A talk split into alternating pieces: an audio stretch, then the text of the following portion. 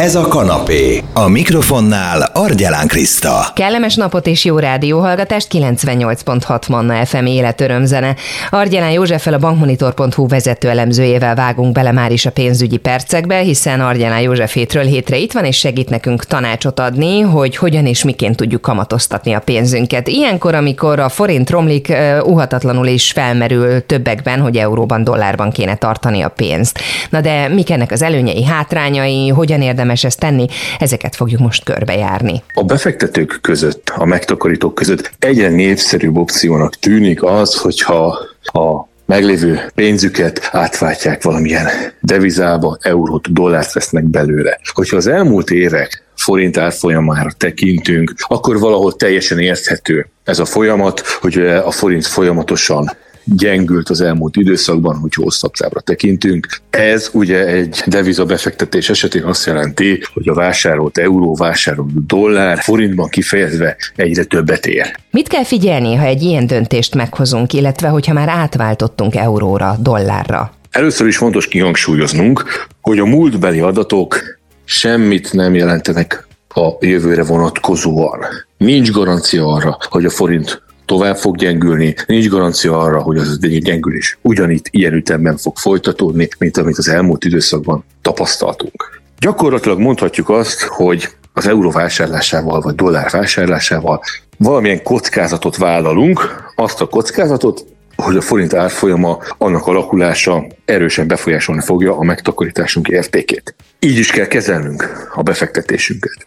Tehát ha mi nem szeretnénk kockázatot vállalni forintban, nem választanánk részvényeket, nem választanánk kockázatosabb befektetési eszközöket, akkor vegyük figyelembe azt, hogy az euróvásárlás bizony egy valamilyen szintű kockázatot rejt magában. Függetlenül attól, hogy az elmúlt években hogy alakult a forint árfolyama, független attól, hogy mit várunk a, a forint további árfolyam alakulásával kapcsolatban. Itt semmi sem garantált, semmi sem borítékolható.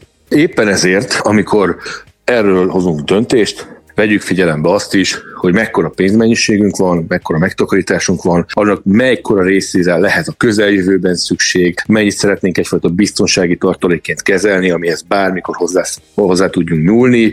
Ilyen típusú pénzeket nem érdemes devizába váltani, gyakorlatilag azt érdemes átváltani, azt érdemes ebből a szempontból kockázatosabb irányba elmozdítani, amelyre előreláthatóan az elkövetkező időszakban, egy-két évben nem lesz szükségünk. Ez nem azt jelenti, hogy mindenképpen két-három évig az adott devizanemben kell tartani a pénzünket, viszont de azt jelenti, hogy ha valami probléma van, és mondjuk a forint árfolyama számunkra kedvezően lenül alakul, tehát mondjuk erősödik a forint, akkor bizony mi vesztenénk ennek a pénznek a visszaváltásával, lehetőleg legyen olyan pénzeszközünk, ami ehelyett az összeghez, amihez ehelyett az összeghez hozzá tudunk nyúlni. Ez ugye azt is jelenti, hogy hosszú távon jó eséllyel ezek a ideális átmeneti árfolyamigadozások kikorrigálják egymást, tehát hosszú távon jó eséllyel úgy fog alakulni minden, ahogy mi szeretnénk. Ha ezen túl vagyunk, hogy csak azt váltjuk át, amire ugye nincs égető szükségünk, akkor mire figyeljünk még? Egy másik nagyon fontos dolog. Sokan magát az euróvásárlás befektetésnek kezelik. Ez így érthető is, ez tekinthető egy megtakarítási formának. Viszont önmagában az, hogy mi váltottunk devizát, vásároltunk eurót, ez önmagában nem azt jelenti, hogy megtakarításunk van, ez önmagában azt jelenti, hogy eurónk van. Ha mi azt betesszük a párnánkba, simán látraszóan ott hagyjuk egy devizaszámlán, akkor kvázi mi nem befektettük a pénzünket, csak átváltottuk. Miért fontos ez? Figyelembe kell vennünk azt, hogy bizony ezzel a pénzzel még kezdhetnénk valami olyat, ami még plusz hozamot eredményezhetne. Például, ha szintén nem akarunk már nagyobbat kockáztatni, akkor leköthetjük valamilyen eurós betétbe. Vagy vásárolhatunk valamilyen eurós állampapírt. Ezek a formák ugye nem túl kockázatosak, és mégis valamekkora hozamra számíthatunk az alatt az idő alatt is, amíg mi euróban tartjuk a pénzünket az árfolyam változás mellett. Ez miért lényeges? Nem szabad megfeledkeznünk arról, hogy ugye infláció van, ami ugye az egész eurozónában, így Magyarországon is, ez elmúlt időszakban folyamatosan emelkedett. Jelen pillanatban ugye a KSH adatai alapján decemberben 24,5 százalék volt az éves áremelkedés mértéke, a teljes 22-es évben pedig 14,5 százalékos átlagos áremelkedést mértek. A lekötetlen forint pénzünk ilyen mértékben romlik. Tehát kvázi a vásárló ereje ilyen mértékben csökken, ennyivel kevesebb árut tudunk vásárolni.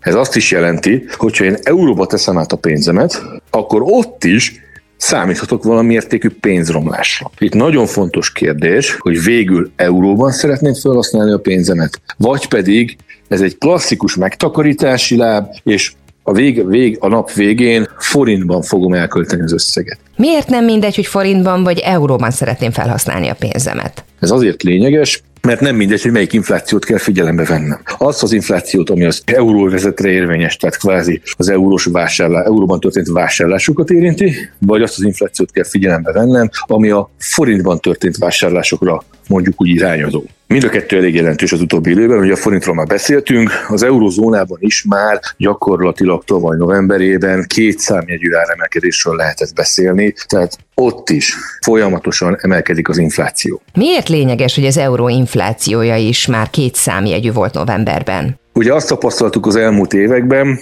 hogy a forint jelentősen gyengült a főbb devizákkal szemben, így például az euróval szemben is. Ez a jelentős gyengülés a tavalyi évben gyakorlatilag azt jelentette, hogy az év elejé 367 forint körüli árfolyamról év végére 400 forint per eurós árfolyamra csökkent. Ez a változás tényleg jelentős. Ha viszont százalékosan szeretnénk kifejezni, akkor durván 8,8 százalékot gyengült a forint az euróval szemben. 8,8 százalék, ennyit nyertünk, ha évelején a forintunkat euróra váltottuk át, és nem kezdtünk vele semmit. Térjünk vissza az inflációra. Jelen pillanatban, jelen ismereteink szerint e körüli értéken van az euróvezet inflációja, és ezt messze meghaladja a forint inflációja, a magyar hazai áremelkedés. Ez akkor nekünk is lefordítva mit jelent pontosan? Persze jó befektetés volt az átváltás, de azáltal, hogy nem kezdtem semmit a pénzemmel, gyakorlatilag még mindig elértéktelenedett a vagyonom, mind euróban kifejezve, forintban kifejezve pedig pláne. A magyar vásárlóereje még jobban csökkent. Éppen ezért vissza kell utalnunk arra, hogy igen, ha már átváltotta devizára, akkor igenis keresek valamilyen befektetést. Nem kellenek feltétlenül kockázatosnak lennie, milyen befektetésekre gondolsz itt, ami nem kockázatos és euróbefektetés? Például van olyan magyar állampapír, lakossági állampapír, ami az eurozóna inflációjához köti a hozamokat, ilyen ugye a prémium magyar állampapír eurós változata, így gyakorlatilag egy minimális 0,25%-os kamat prémiumot fizet ki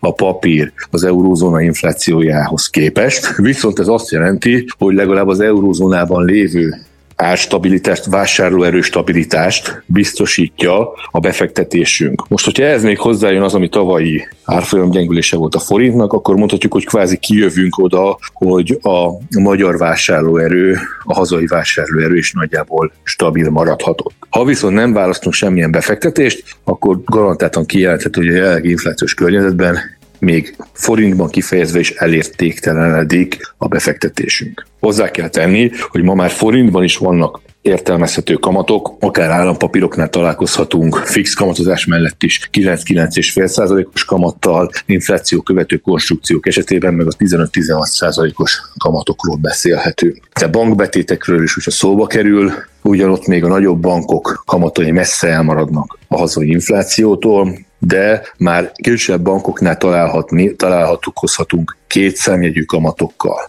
És hogyha itt most visszanézünk, hogy a tavalyi erős forint gyengülés mellett is egy 8-9 százalékos nyerességről beszélhettünk, tehát itt azért már a hazai befektetések, ha mi nem fektetjük be euróban a pénzünket, bizony versenyképesek lehetnek önmagában azzal, hogy átváltottuk a pénzünket. Összegzésről mit mondanál a mannásoknak? Ne feledkezzünk meg róla, a pénzváltás önmagában még nem befektetés, még döntenünk kell arról is, hogy az euróba tesz pénzünkkel mit kezdjünk. Ez most a jelenlegi inflációs helyzetben nagyon fontos. A másik, amiről szintén a kockázatok kapcsán ki kell hangsúlyoznunk, ez egy kockázatos lépés. Nem szabad úgy tekintenünk rá, hogy ez egy biztos befektetés. Inkább kezeljük úgy a forint euró átváltást, mint hogyha mi mondjuk egy részvényt vásároltunk. Ez mit jelent, hogy úgy kezeljük ezt, mint hogyha részvényt vásároltunk volna? Hogyha éppen arról zeng a piac, hogy úristen, hogy szakad a forint, akkor meg kell gondolnunk kétszer is, hogy na most kell lebeszállni ebbe a piacba. Miért gyengül a forint? Ha ennek vannak reális gazdasági okai, akkor nyilvánvalóan az euróvásárlás még logikus lépés lehet. Ha viszont valami spekulatív oka van, nincsen mögöttes olyan gazdasági esemény, tartalom, ami ezt indokolná, akkor bizony lehet, hogy érdemes kivárni, a forint árfolyama az elmúlt időszakban, amelyet hogy folyamatosan gyengült, egy hullámvasúthoz is hasonlított mély hegyek is magas, völgy, magas, völgy, magas hegyek és mély völgyek váltakoztak. Egy ilyen ö, izgatott szituációban nem érdemes a vásárlás mellett dönteni. Mind a mai napig nagyon sokan lehetnek azok, akik 420-430-as árfolyamon vásároltak forintot, bocsánat, eurót, és gyakorlatilag ők most azzal szembesülnek, hogy a pénzük értéke még csökkent is az árfolyam változás miatt. Ugyanez a másik oldalon, ha azt látjuk, hogy hirtelen elkezd erősödni a forint, akkor nem szabad eladni. Nem szabad megijedni. Itt is mögé kell nézni, mik lehetnek a mögöttes okok, és hogyha van valami reális oka, akkor érdemes elgondolkodni a váltáson, ha viszont nincs szintén valami spekulatív események hatását láthatjuk, akkor érdemes megtartani a befektetésünket. Mi fontos még Józsi az euró átváltásánál? Itt kell visszautalni arra, hogy nem azt a pénzt érdemes áttenni euróba, más devizába, amelyre bármikor szükségünk van, mert bizony az ilyen összegeknél sajnos sok esetben a visszaváltást nem az indukálja, hogy éppen jó helyzetben vagyunk, nyerünk a befektetésünkön, hanem az éppen aktuális szükségleteink miatt akár a veszteséget is el kell viselnünk. Tehát ami nagyon fontos, egy devizabefektetésre mindig tekintsünk úgy, amely valamekkora kockázatot rejt, éppen ezért így tekintsünk az árfolyamokra is, és mindenképpen hosszabb időtávra nélkülözhető összegekből fektessünk be a devizapiacon. A másik nagyon fontos dolog pedig önmagában az euróvásárlás, a devizavásárlás még nem feltétlenül befektetés. A jelenlegi inflációs környezetben az elmúlt időszakok árfolyam változása is reál értelemben vásárlóerőt tekintve vesztességet jelenthet, éppen ezért a vásárolt eurót is érdemes jól átgondoltan, a saját igényeinknek megfelelően befektetni valamilyen tényleges, konkrét befektetésbe, lehet ez a kockázatmentes bankbetét, de akár valamilyen kockázatos részvényt, részvény alapot is lehet vásárolni, ez mindenkinek a saját döntése. Parlagon hagyni a pénzt azonban talán az egyik legrosszabb lépés, amit tehetünk. Nagyon szépen köszönöm Argyalá Józseffel, a bankmonitor.hu vezető elemzőjével töltöttük az időt itt a Manna fm és a pénzügyi percekben jártuk körbe azt, hogyha valaki úgy dönt, hogy eurót, dollárt vásárol, akkor azzal mit kezdjen a későbbiekben, hogy jól is járjon, szemben az euróvezet inflációjával, illetve a hazai inflációval. Hogyha valaki szívesen visszahallgatná ezt a beszélgetésünket is megtalálja a Manna FM podcast felületén, akár itunes akár Spotify-on.